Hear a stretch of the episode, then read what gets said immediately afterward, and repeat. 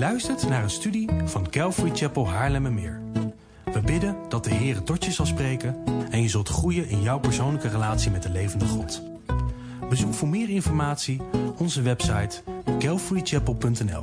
Dat is C-A-L-V-A-R-Y-C-H-A-P-E-L.nl. Oké, dan gaan we nu echt beginnen. Nou, we hebben nu twee weken in de brief van Judas doorgebracht. En de eerste week hebben we gezamenlijk gekeken naar een introductie van de brief. En daarbij wie Judas is en hoe hij transformeerde van de halfbroer van Jezus naar een dienstknecht van Jezus, die zijn leven had gegeven aan Jezus. En daarbij, belangrijk, ik heb dat toen niet benoemd, maar wel belangrijk om te beseffen is dat dit dus een andere Judas is dan Judas Iscariot. Uh, daar was nog van iemand een, uh, een vraag over, want dit gaat over de halfbroer van Jezus en dat is dus een ander persoon. En aan de andere kant hebben we toen gezien hoe uh, hij waarschuwt voor sommige mensen die de kerk waren binnengeslopen, om de genade van God te veranderen in losbandigheid en onze Heer Jezus Christus te verlogenen. En ik geloof dat dit gnostici waren. Uh, en dat waren mensen die geloofden, maar nog steeds uh, komt dit voor, die geloven, dat uh, Jezus wel God is, maar dat hij nooit als mens naar de aarde is gekomen, dat hij nooit fysieke vorm heeft aangenomen. Want zij geloven in een complete scheiding tussen lichaam en geest, waarbij de geest 100% goed is en al het fysieke, zoals het lichaam, 100% slecht. Maar ook de schepping bijvoorbeeld, geloven zij, dat volledig slecht is. En dit was dan ook de reden dat zij niet konden geloven dat Jezus in het vlees heeft kunnen komen naar de aarde. En deze gnostici, die probeerden de kerk van binnenuit kapot te maken. En hierna hebben we vorige week gekeken naar de gevolgen van dwaalleer. Wat een desastreuze gevolgen dwaalleer kan hebben op een gemeente. En hoe er sommige mensen kunnen zijn die wel gered lijken, maar toch onder een oordeel komen door de misleiding van deze dwaalleraren. En we hebben het gehad over het verschil tussen mensen die niet of juist wel onder het oordeel van God komen.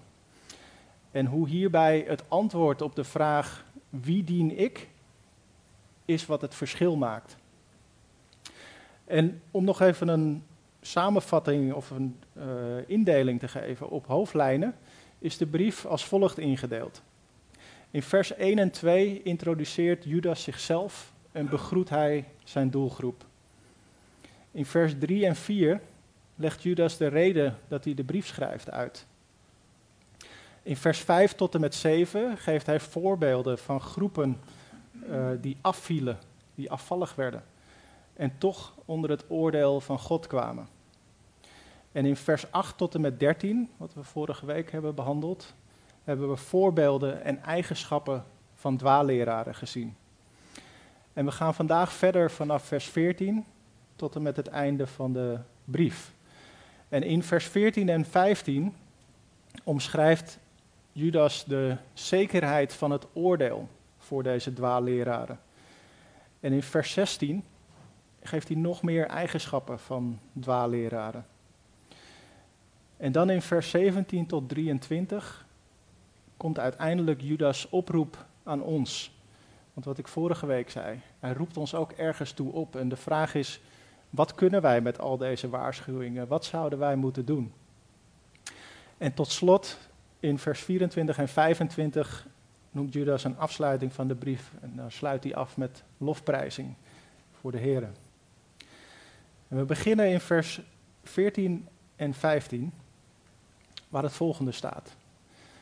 Ook over hen heeft Henoch, de zevende vanaf Adam, geprofeteerd toen hij zei, zie, de Heere is gekomen met zijn tienduizenden heiligen om over alle het oordeel te vellen en alle goddelozen onder hen terecht te wijzen voor al hun goddeloze daden die zij op goddeloze wijze bedreven hebben en voor al de harde woorden die zij, goddeloze zondaars, tegen hem gesproken hebben. Ja, het gaat hier over Henoch, de zevende vanaf Adam. En we lezen hier dat hij profeteerde. En dat is interessant, want Genesis zelf omschrijft niet heel veel over Henoch. Wat er wel staat is dat Henoch leefde voor de zondvloed, dus voor Noach. En het meest aannemelijke is dat hij leefde in de tijd waar gevallen engelen naar de aarde waren gekomen en zich vermengd hadden met mensen, met, oh sorry, met vrouwen. En we lezen in Genesis dat de slechtheid van mensen steeds groter werd. En er staat niet duidelijk wat mensen precies allemaal deden in die tijd, maar het, was wel, het is wel duidelijk dat het echt heel slecht was. En zo slecht dat God uiteindelijk zo'n 300 jaar later de zondvloed stuurt. Omdat hij spijt had gekregen, lezen we, dat hij de mens had gemaakt. En in deze omstandigheden, met zoveel slechtheid om zich heen, profeteerde Henoch dus. En hij trotseerde kennelijk zijn angst en stond voor gerechtigheid, stond voor God, ondanks de staat van de wereld in die tijd. En Judas lijkt hier het boek Henoch 1, de wachters, te citeren. En dit is een boek dat niet in onze Bijbel staat, omdat het niet als kanoniek beschouwd wordt. Maar als we vergelijken wat Judas specifiek benoemt uh, en wat er in Henoch 1 staat, dan zie ik ook wel een aantal belangrijke verschillen met wat er in Henoch 1 omschreven staat. Dus dit citaat betekent zeker niet dat Henoch het geïnspireerd woord van God is. In die zin mogen we erop vertrouwen dat God heeft gezorgd dat de boeken die wij nu in onze Bijbel hebben, dat dat de boeken zijn die belangrijk zijn. En dat het met een reden zo is samengesteld.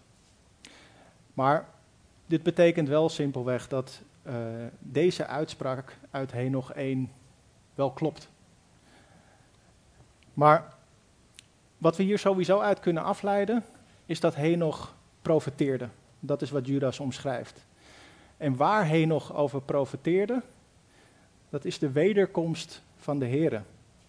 Wanneer hij komt met zijn tienduizenden heiligen, zoals we lezen. En letterlijk is het eigenlijk ontelbare, het woord wat vertaald is als tienduizenden.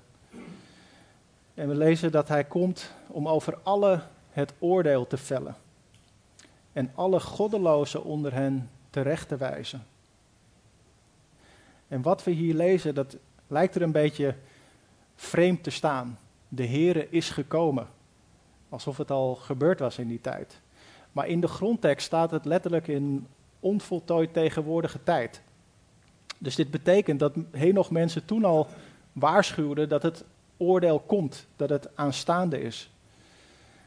En het moment waar dit over gaat, de wederkomst van Jezus, dat is omschreven in Openbaring 19, vers 11 tot 16. Laten we dat samen lezen. Daar staat, en ik zag de hemel geopend en zie, een wit paard. En hij die daarop zat, werd getrouw en waarachtig genoemd. En hij oordeelt en voert oorlog in gerechtigheid. En zijn ogen waren als een vuurvlam. En op zijn hoofd waren vele diademen. Hij had een naam die opgeschreven was en die niemand kent dan hijzelf. En hij was bekleed met een in bloed gedoopt bovenkleed. En zijn naam luidt het woord van God. En de legers in de hemel volgden hem op witte paarden, gekleed in fijn linnen, wit en smetteloos.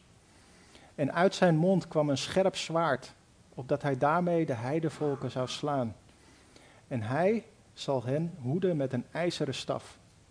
En hij treedt de wijnpersbak van de wijn, van de grimmige toorn van de Almachtige God. Er stond op zijn bovenkleed en op zijn dij deze naam geschreven. Koning der koningen en Heere der heren. Bij de terugkeer van de Heere aan het einde van de zevenjarige verdrukking, zal hij komen om te oordelen, niet als een lam, maar als een leeuw. En in Lucas 4, vers 16 tot 21 lezen we hoe Jezus in de synagoge het volgende las. Daar staat Lucas 4, vers 16 tot 21. En hij kwam in Nazareth, waar hij opgevoed was, en ging naar zijn gewoonte op de dag van de Sabbat naar de synagoge. En hij stond op om te lezen. En aan hem werd het boek van de profeet Jesaja gegeven.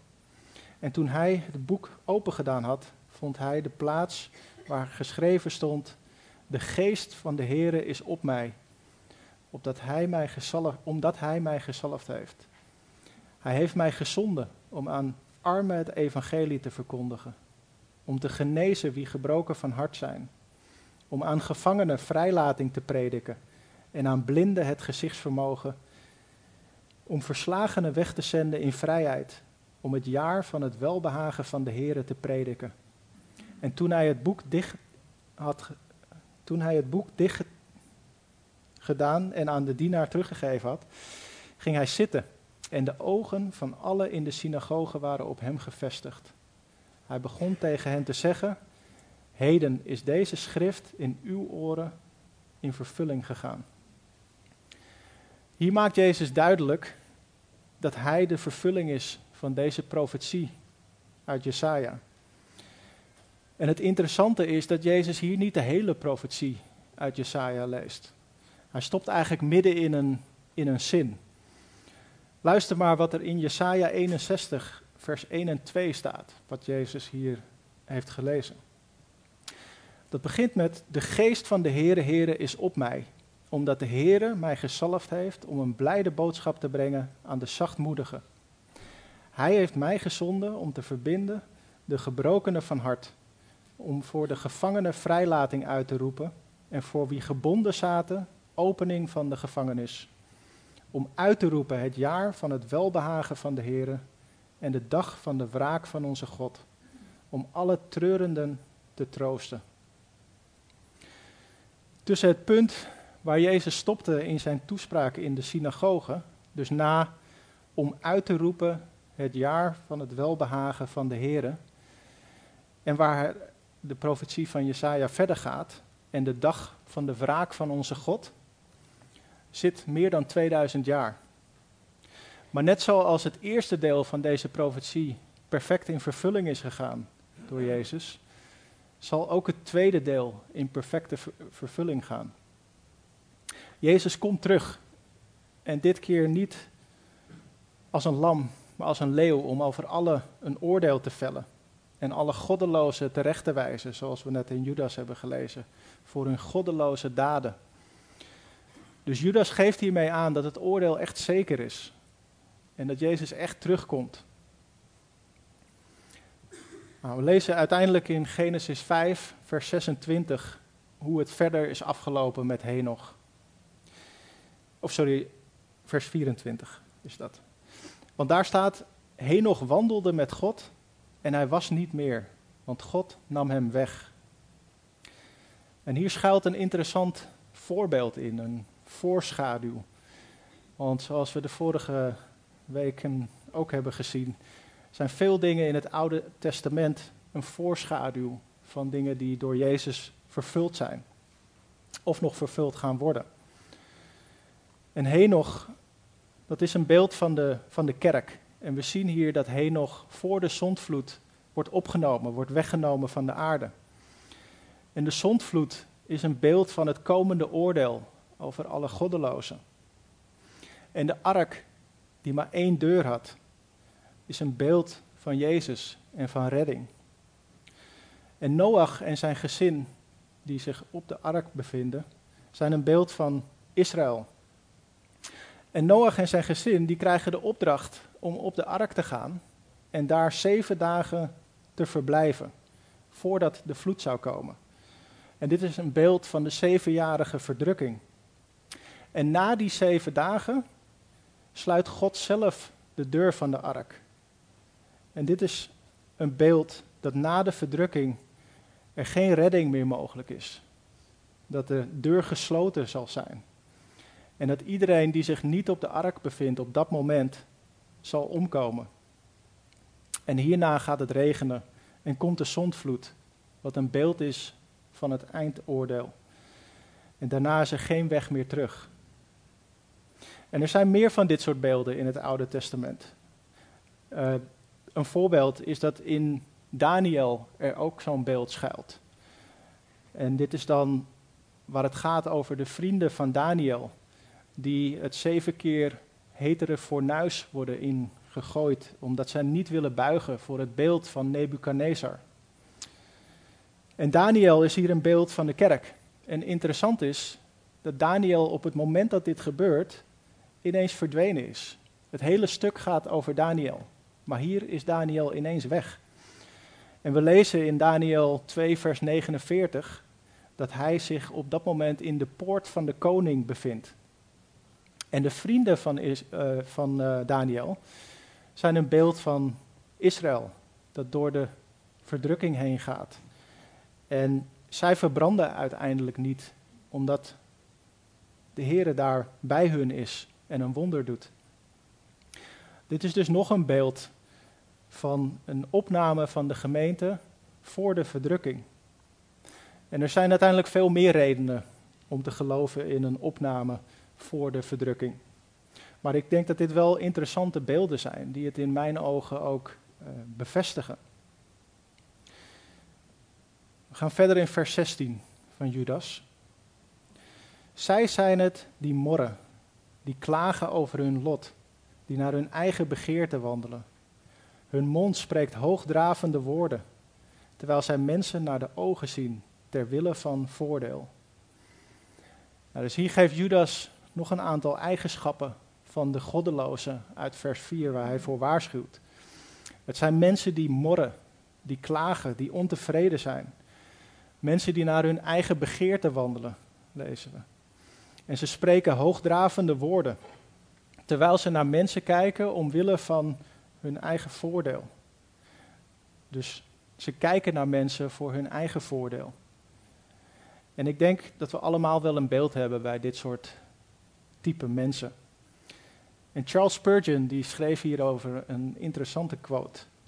Wat hij schrijft is: Deze mensen zijn zelfs ontevreden over het evangelie. Het brood des hemels moet in dobbelsteentjes worden gesneden en op sierlijke servetten worden geserveerd. Anders kunnen ze het niet eten. En al snel verafschuwt hun ziel zelfs dit lichte brood. Er is geen enkele manier waarop een christen God kan dienen om hun te behagen. Ze zullen gaten in de jas van elke prediker prikken. En als de hoge priester zelf hier was, zouden ze fouten vinden in de kleur van de stenen van zijn borstharnas. vers 17 van Judas tot en met 19 gaan we lezen. Maar u geliefde, herinnert u zich de woorden die voorzegd zijn door de apostelen van onze Heer Jezus Christus. Dat zij u gezegd hebben dat er in de laatste, laatste tijd spotters zullen zijn, die naar hun eigen goddeloze begeerte wandelen. Zij zijn het die scheuringen veroorzaken, natuurlijke mensen die de geest niet hebben. Judas richt zich nu aan ons, de geroepenen, geliefd door de Vader, zoals we in de eerste week hebben behandeld, en bewaard door Christus. En hij roept ons op om te herinneren wat de apostelen gezegd hebben. Dat in de laatste dagen, waarin wij nu ons ook nog steeds bevinden, er spotters zullen zijn die naar hun eigen goddeloze begeerte wandelen. En Judas refereert hier aan iets wat Petrus geschreven heeft. En dat kunnen we lezen in 2 Petrus 3, vers 3 tot 7. Waar het volgende staat. Dit moet u allereerst weten, dat er in het laatste der dagen spotters zullen komen, die naar hun eigen begeerte zullen wandelen. En zeggen, waar is de belofte van zijn komst? Want vanaf de dag dat de vaderen ontslapen zijn, blijven alle dingen zoals vanaf het begin van de schepping. Want willens en wetens is het hun onbekend dat door het woord van God de hemelen er reeds lang geweest zijn, evenals de aarde, die uit water oprijst en in water vaststaat. Daardoor is de wereld die er toen was vergaan, overspoeld door het water. Maar de hemelen die er nu zijn en de aarde zijn door hetzelfde woord als een schat weggelegd en worden voor het vuur bewaard tot de dag van het oordeel en van het verderf van de goddeloze mensen. Klinkt het niet bekend als we zeggen tegen mensen dat de Heer terugkomt en dat er een oordeel komt? Dat mensen antwoorden, ja, dat roepen ze al 2000 jaar. Of dat ze zeggen, alles zal altijd zo blijven als hoe het tot nu toe geweest is. Of als ze reageren met, alles komt uiteindelijk goed. Maar Petrus schrijft hier dat het helemaal niet goed komt. Dat mensen weigeren en willens en wetens weigeren om in te zien dat alles gemaakt is door Jezus. Het woord van God, de Logos, zoals hij in Johannes 1, vers 1 ook wordt genoemd. En als mensen weigeren te geloven dat de zondvloed er echt geweest is. Maar er zijn zoveel bewijzen voor de zondvloed te vinden. Als je gaat zoeken. En uiteindelijk is het punt wat Petrus maakt en wat Judas ook maakt. Dat zoals het oordeel van de zondvloed echt gekomen is, zo de goddelozen uiteindelijk ook echt geoordeeld zullen worden. En voor ons schuilt hier ook een bemoediging in. Dat als wij mensen vertellen over het komende oordeel en waarschuwen, en als mensen spotten, dat dit eigenlijk een vervulling is. Het is profetisch, omdat ze precies zeggen wat Jezus al lang, of eh, sorry, wat Petrus al lang uh, voorteld had. Dus het ligt niet aan wat je zegt. Blijf trouw uiteindelijk in wat God van je vraagt. Want Judas legt hier uit dat het probleem is dat zij wandelen naar hun eigen begeerte. Dus ze accepteren Jezus niet als meester, omdat ze niet willen buigen. En dat is uiteindelijk het probleem. Het is een probleem van het hart. En we lezen verder in dit, uh, deze versen dat dit mensen zijn die scheuringen veroorzaken. Dus ze zullen proberen om mensen om zich heen te verzamelen. Nou, we hebben nu inmiddels uh, over de afgelopen drie weken behoorlijk wat eigenschappen gehoord van deze goddelozen, deze dwaalleraren. En om ze nog even op een rijtje te zetten. In vers 4 worden ze goddelozen genoemd. En horen we de eigenschappen dat ze immoreel zijn. En dat ze Jezus Christus verlogenen. In vers 8 wordt genoemd dat ze het vlees bezoedelen. En dat ze rebelleren en lasteren. In vers 10 worden ze dromers genoemd en onwetend. In vers 16 mopperaars, klagers of foutzoekers, egoïsten, arrogante sprekers en vleiers. In vers 18 worden ze spotters genoemd. En in vers 19, wat we net hebben gelezen, staat dat ze scheuringen veroorzaken en dat ze wereld zijn en niet geest vervuld. Dus dit zijn behoorlijk wat eigenschappen van deze goddeloze en dwaalleraren. En ik denk dat een valkuil is dat we dit te veel op onszelf betrekken. En het is natuurlijk wel heel goed om kritisch te zijn en met ontzag en bescheidenheid God te willen gehoorzamen in alles dat we doen. Maar het is ook belangrijk om in te zien dat dit gaat over het hart, over de intentie van sommige mensen die Jezus echt niet willen dienen, maar andere motieven hebben. En daarom is het ook zo belangrijk om de vraag wie dien ik in het achterhoofd te houden. Want dat is uiteindelijk wat het verschil maakt. We gaan door in vers 20. Maar u geliefde, bouw uzelf op in uw allerheiligst geloof en bid in de Heilige Geest. Bewaar uzelf in de liefde van God en verwacht de barmhartigheid van onze Heere Jezus Christus tot het eeuwige leven. Ja, hier lezen we Judas oproep aan ons. Naast het herinneren wat we net hebben gelezen van de woorden van de apostelen, waar we in vers 19 toe worden opgeroepen, kunnen we ook andere dingen doen. En dit zijn dingen die aan de ene kant dienen om onszelf en de kwetsbare groep van mensen in de, zeg maar de, de buitenste ring zeg maar, van de gemeente, mensen die denken dat ze gered zijn, maar dit misschien niet zijn, om dit, deze mensen en onszelf te beschermen tegen de leer van deze dwaalleraren. En aan de andere kant dient waartoe Judas ons oproept om te strijden voor dit soort mensen, de dwaalleraren. En opvallend is dat deze strijd niet een strijd is die met een groot zwaard gevoerd wordt. Een fundamentalistische strijd, zeg maar. Het wordt niet gevoerd met hoogdravende woorden. Maar in plaats daarvan roept Judas ons op tot vier dingen. En het eerste wat hij noemt is onszelf opbouwen in ons allerheiligst geloof. Het tweede punt is bidden in de Heilige Geest. Het derde punt, onszelf bewaren in de liefde van God. En het vierde punt is om de barmhartigheid van onze Heer Jezus Christus te verwachten tot het eeuwige leven. En we gaan hier punt voor punt uh, doorheen op inzoomen.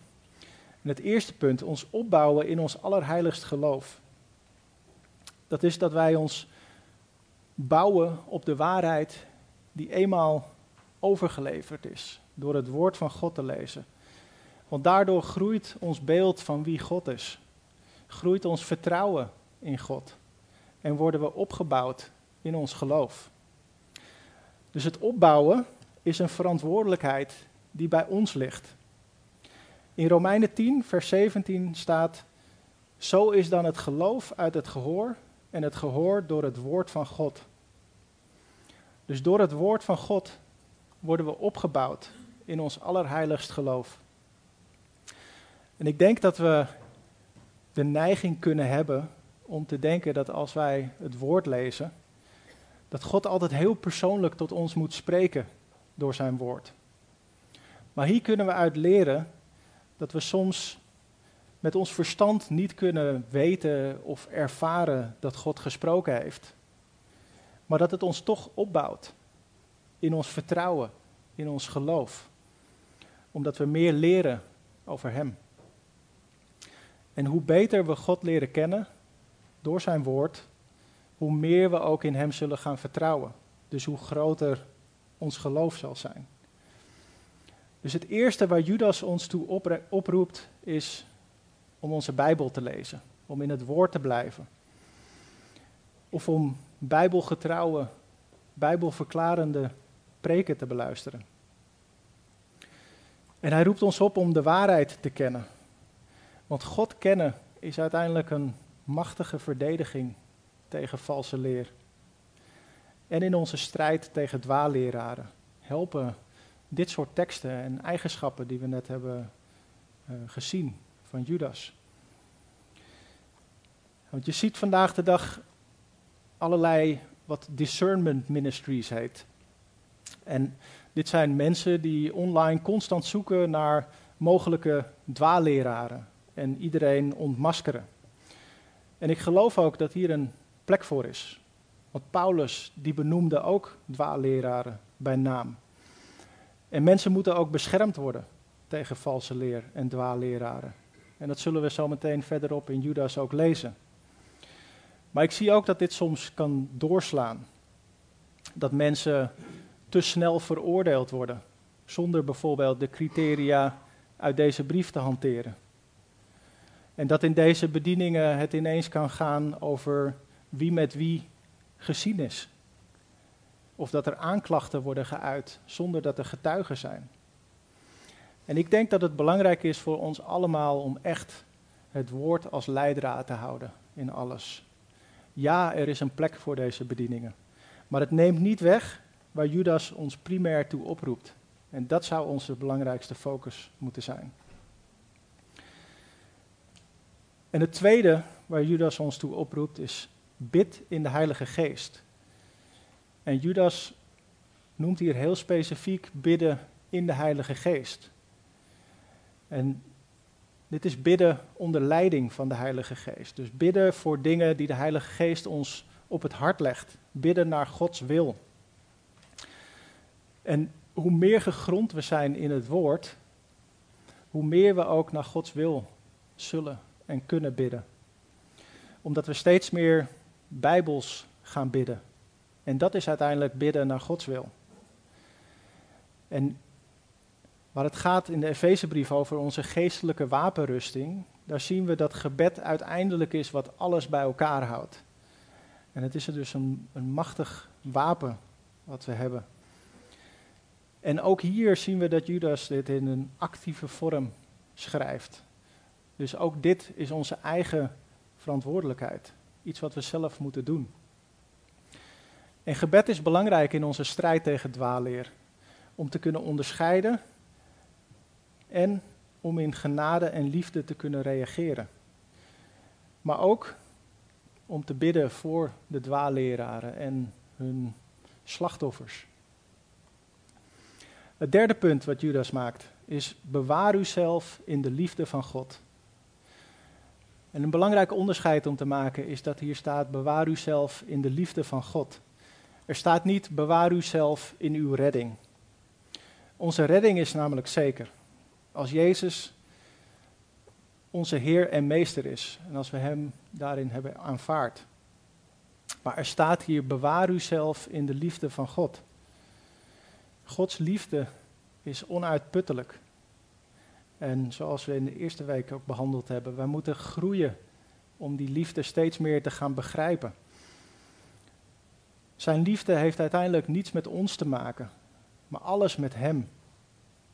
En de juiste manier om die liefde te zien is niet God houdt van mij omdat ik ben wie ik ben, of God houdt van mij omdat ik voor Hem doe wat ik doe.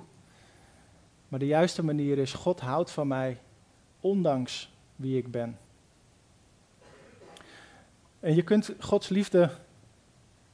Het is natuurlijk moeilijk om het met iets te vergelijken, maar je zou het kunnen vergelijken met de zon. Als we ons down voelen, dan doet de zon wonderen. En de zon blijft sowieso stralen. Net zoals Gods liefde er sowieso is. Alleen wij moeten ervoor kiezen om in de zon te gaan zitten. En zo worden we hier ook opgeroepen om in Gods liefde te om onszelf sorry, in Gods liefde te bewaren. Nou, ik, ik, hield vroeger wel van een, uh, van een feestje. En die feestjes die gingen soms ook wel eens uh, meer dan 24 uur door, zeg maar. En om dan na zo lang wakker te zijn geweest en in het duister te zijn geweest, in één keer in het licht te komen, dat was echt heftig. Dan wilde ik me het liefst verstoppen voor het, voor het licht. En ik denk dat wij ons ook zo kunnen verstoppen voor de liefde van God. Maar uiteindelijk moeten we dus juist naar Hem toe en in Hem verblijven. En vorige week hebben we gelezen uit Johannes 15 over de ware wijnstok, over vrucht dragen en hoe ranken altijd vrucht dragen. Het ging over hoe goede bomen ook goede vrucht dragen en hoe slechte bomen slechte vrucht dragen. En we gaan nu het stuk direct daarna lezen in Johannes 15, vers 9 tot en met 17. Want daar staat het volgende. Zoals de Vader mij lief gehad heeft, heb ook ik u lief gehad. Blijf in mijn liefde. Als u mijn geboden in acht neemt, zult u in mijn liefde blijven. Zoals ik de geboden van mijn Vader in acht genomen heb en in zijn liefde blijf. Deze dingen heb ik tot u gesproken, opdat mijn blijdschap in u zal blijven en uw blijdschap volkomen zal worden. Dit is mijn gebod dat u elkaar lief hebt, zoals ik u heb lief gehad. Niemand heeft een grotere liefde dan deze, namelijk dat iemand zijn leven geeft voor zijn vrienden. U bent mijn vrienden als u doet wat ik u gebied. Ik noem u niet meer dienaren, want een dienaar weet niet wat zijn heer doet. Maar ik heb u vrienden genoemd, omdat ik u alles wat ik van mijn vader gehoord heb bekendgemaakt heb. Niet u hebt mij uitverkoren, maar ik heb u uitverkoren en ik heb u ertoe bestemd dat u zou heen gaan en vrucht dragen. En dat uw vrucht zou blijven. Opdat wat u ook maar van de Vader vraagt in mijn naam, hij u dat geeft. Dit gebied ik u, dat u elkaar lief hebt. Ja, hier legt Jezus de link uit tussen liefde, gehoorzaamheid en heilig leven. Als u mijn geboden in acht neemt, zult u, mijn liefde, zult u in mijn liefde blijven. En het mooie is dat dit ook de geboden zijn die Jezus ons gegeven heeft. Want in Matthäus 22, vers 37 tot en met 39 lezen we: Jezus zei tegen hem: U zult de Heere uw God liefhebben met heel uw hart, met heel uw ziel en met heel uw verstand. Dit is het eerste en het grootste gebod. En het tweede hieraan gelijk is: U zult uw naaste liefhebben als uzelf. Dus als wij dit doen, als wij God liefhebben en voor Hem leven en Zijn wil doen, dan, of, sorry, dan zullen we uiteindelijk Zijn wil do, willen doen. Dan zullen we geen tijd hebben, maar ook geen wil hebben om te blijven hangen in dezelfde zonde. En we blijven natuurlijk allemaal zondaars. En we zullen ook echt allemaal zondigen. Maar dan zullen het niet steeds dezelfde zonde zijn waarin we blijven hangen. Maar hij heeft ons uitverkoren, hebben we gelezen. Hij noemt ons vrienden. Hij gaf zijn leven voor ons. En hij heeft ons ertoe bestemd om heen te gaan en vrucht te dragen. God heeft geestelijke werken voor ons voorbereid. En hij heeft een plan voor ons. Maar zijn wil is dat we daarin wandelen. En ik denk dat we ons zo vaak laten afleiden. Dat we niet in het woord zijn. Dat we niet in de Heilige Geest bidden. En dat we verstrikt raken in zonde. En de duivel wil natuurlijk uiteindelijk niets liever dan dat we bezig zijn met andere dingen dan heen gaan en vrucht dragen. En andere dingen dan de Vader vragen in zijn naam. En andere dingen dan elkaar liefhebben. En ik geloof dat we hier allemaal mee te maken kunnen hebben. En laten we, als dat zo is, dit ook herkennen. En teruggaan naar onze eerste liefde. Weer gaan wandelen in geloof en wandelen in geestelijke werken die God voor ons heeft voorbereid. Laten we als planten zijn die zich weer naar de zon draaien om licht op te vangen. De liefde van God is, beschermt ons uiteindelijk tegen dwaalleraren. Want door de liefde van God zullen we herkennen als er een andere Jezus wordt omschreven dan de Jezus die wij kennen. En de liefde van God die helpt ons ook om zelf liefdevol te handelen. Ook naar dwaalleraren en mensen die vastzitten in dwaalleer. En dan het vierde en laatste punt dat Judas benoemt.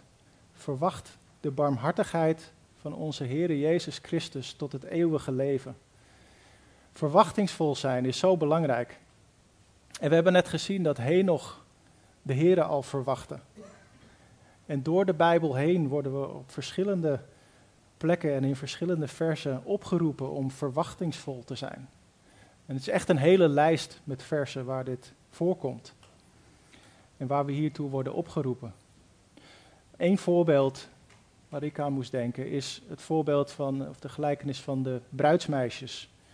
Die moesten wachten tot de bruidegom terug zou komen, die op ieder moment zou kunnen terugkomen en die olie in hun lampen moesten houden. En nog een voorbeeld vinden we in 1 Korinthe 1, vers 4 tot en met 7, waar staat, ik dank mijn God altijd voor u, vanwege de genade van God die u gegeven is in Christus Jezus. U bent namelijk in alles rijk geworden in Hem, in alle spreken en alle kennis, naarmate het getuigenis van Christus bevestigd is onder u, zodat het u aan geen genadegave ontbreekt, terwijl u de openbaring van onze Heere Jezus Christus verwacht. De oproep is om de Heere op ieder moment te verwachten. En voor mij is dit een heel sterk argument om te geloven in een opname voor de verdrukking. En de reden hiervoor is dat de Bijbel een hele duidelijke tijdslijn omschrijft van de verdrukking. Vanaf de start van de verdrukking tot het einde zie je een hele specifieke tijdslijn. En als de Heer zou terugkomen in de verdrukking, dan kan het onmogelijk zo zijn dat wij de Heer ieder moment zouden moeten terugverwachten. Want dan zou de verdrukking eerst moeten starten. En dan zouden we eigenlijk Gods toorn moeten verwachten, die uitgestort wordt tijdens de verdrukking. Maar Judas roept ons hierop om zijn barmhartigheid te verwachten.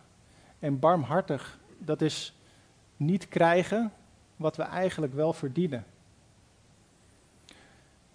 Het verwachtingsvol zijn, dat houdt ons ook losgeweekt van de wereld. Het zorgt dat we olie in onze lampen willen houden, omdat we de Heer op ieder moment terug verwachten. Het zorgt dat we heilig willen leven, want we willen niet bezoedeld zijn, zoals Judas het omschrijft, op het moment dat de Heer ineens voor ons staat. En het zorgt dat we bezig willen zijn met de dingen van de Heer, omdat het ons losweekt van de wereld. Vers 22 en 23. En ontferm u over sommigen en ga daarbij met onderscheid te werk. Red anderen echter met vrees en ruk hen uit het vuur. U moet ook het onderkleed haten, dat door het vlees bevlekt is.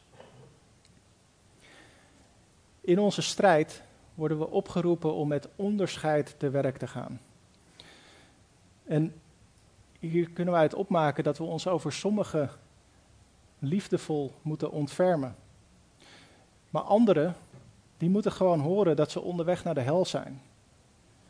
Die moeten met vrees uit het vuur worden gerukt, zoals we net hebben gelezen.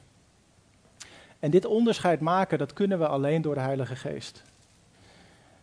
Maar we zien hier dus wel dat Judas ons oproept om mensen die vastzitten in valse leer en dwaalleraren niet los te laten, maar hun proberen te blijven liefhebben. En liefde is soms zacht en soms keihard. Dat verschilt van persoon tot persoon. En dat kunnen we alleen door de leiding van de Heilige Geest onderscheiden. Dan vers 24 en 25. Aan hem nu die bij machten is u voor struikelen te bewaren en u smetteloos te stellen voor zijn heerlijkheid, in grote vreugde. De alleenwijze God, onze zaligmaker, zij heerlijkheid en majesteit, kracht en macht, nu en in alle eeuwigheid. Amen. Judas gaf in de brief hele duidelijke waarschuwingen. En soms is het ook een hele harde boodschap geweest. En misschien dat de ontvangers van de brief, zijn doelgroep, ook wel ontmoedigd waren en down door de dwaalleraren die zo bezig waren in de gemeente. Maar hij geeft hier ter bemoediging een prachtige afsluiting. Hem die bij machten is u voor struikelen te bewaren. Er zei laatst een fijne broeder tegen mij. Ik ben opgehouden met proberen te veranderen. En ik geloof dat dit precies is wat hier staat. Het is God die ons voor struikelen bewaart. En die ons smetteloos stelt voor zijn heerlijkheid. Het is niet ons eigen kunnen. We kunnen niet op eigen kracht heilig worden. We kunnen niet zelf vernieuwd worden van in ons denken.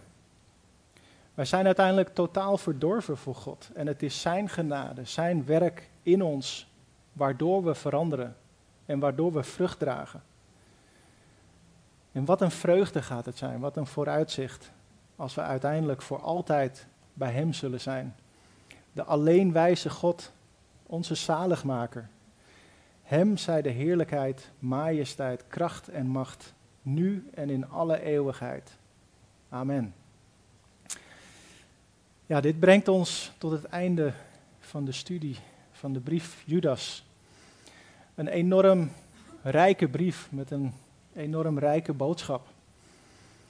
En ik bid dat wij, zoals Judas, ons allemaal zullen rekenen of gaan rekenen tot dienstknechten of slaven van de Heer Jezus Christus. En dat we zullen vasthouden aan de zekerheid dat we bewaard zijn door Christus, niet door ons eigen kunnen. En dat we goddelozen, de dwaalleraren of de mensen die zich aan de rand begeven, die daar balanceren op de rand, dat we die gaan herkennen. En dat we het verschil gaan of zijn gaan inzien tussen zekerheid van redding en zelfmisleiding. En hoe de, het antwoord op de vraag wie we dienen uiteindelijk is wat het verschil maakt. Omdat Hij uiteindelijk vrucht doet groeien. En dat het verschil maakt uiteindelijk in welke boom we geënt zijn. En dat we uiteindelijk beter weten waartoe wij geroepen worden in onze omgang met dwaalleraren en hun slachtoffers. Laten we bidden. Ja, trouwe Vader, dank u wel, Heer, voor deze woorden die u Judas gegeven heeft. Dank u voor hoe u daardoorheen zo'n rijke boodschap hebt gegeven, Heer. En Heer, ik bid dat het ons zal veranderen, Heer. Dat we ja, ons zullen vasthouden aan de zekerheid dat we bewaard zijn door U, Heer Jezus. En dank u voor uw offer, Heer, dat u zo ver voor ons gegaan bent, Heer. Die weg die wij niet konden begaan, Heer, dat u die voor ons begaan bent. En dat we nu voorspraak bij de Vader mogen hebben, Heer.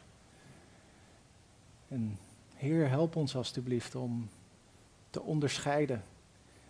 Help ons om in uw woord te blijven, Heer. Om ja, iedere ochtend wakker te worden met een brandend verlangen om u te zoeken, om van u te horen. En dat we een wil zullen hebben om u als eerste aan te kijken in de morgen, Heer. En Heer, ik bid dat we allemaal mogen groeien in onze relatie met U. En dat we ja, hierdoorheen meer zullen gaan onderscheiden wat, wat dwaalleer is, wat dwaalleraren zijn, Heer. En dat U ons zult helpen om in Uw liefde te blijven, Heer.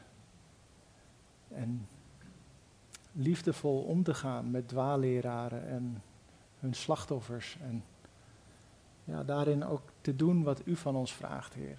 En om te bidden in uw Heilige Geest, Heer. En help ons ook om verwachtingsvol te zijn, Heer. Om echt u op ieder moment terug te verwachten, Heer. Want u komt spoedig.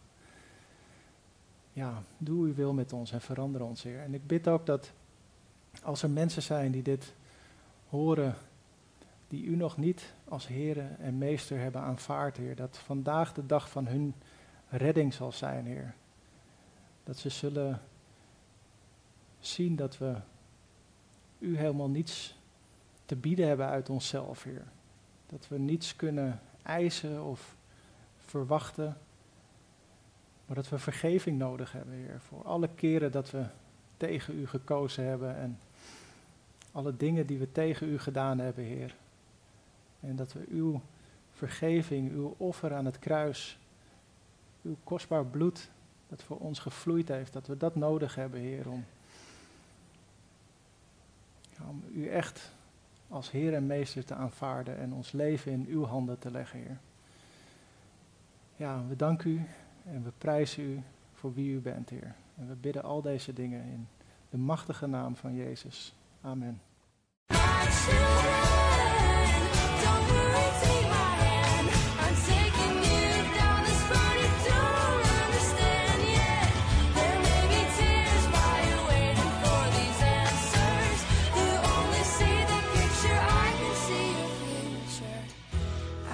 Tell you right now, it's gonna be alright.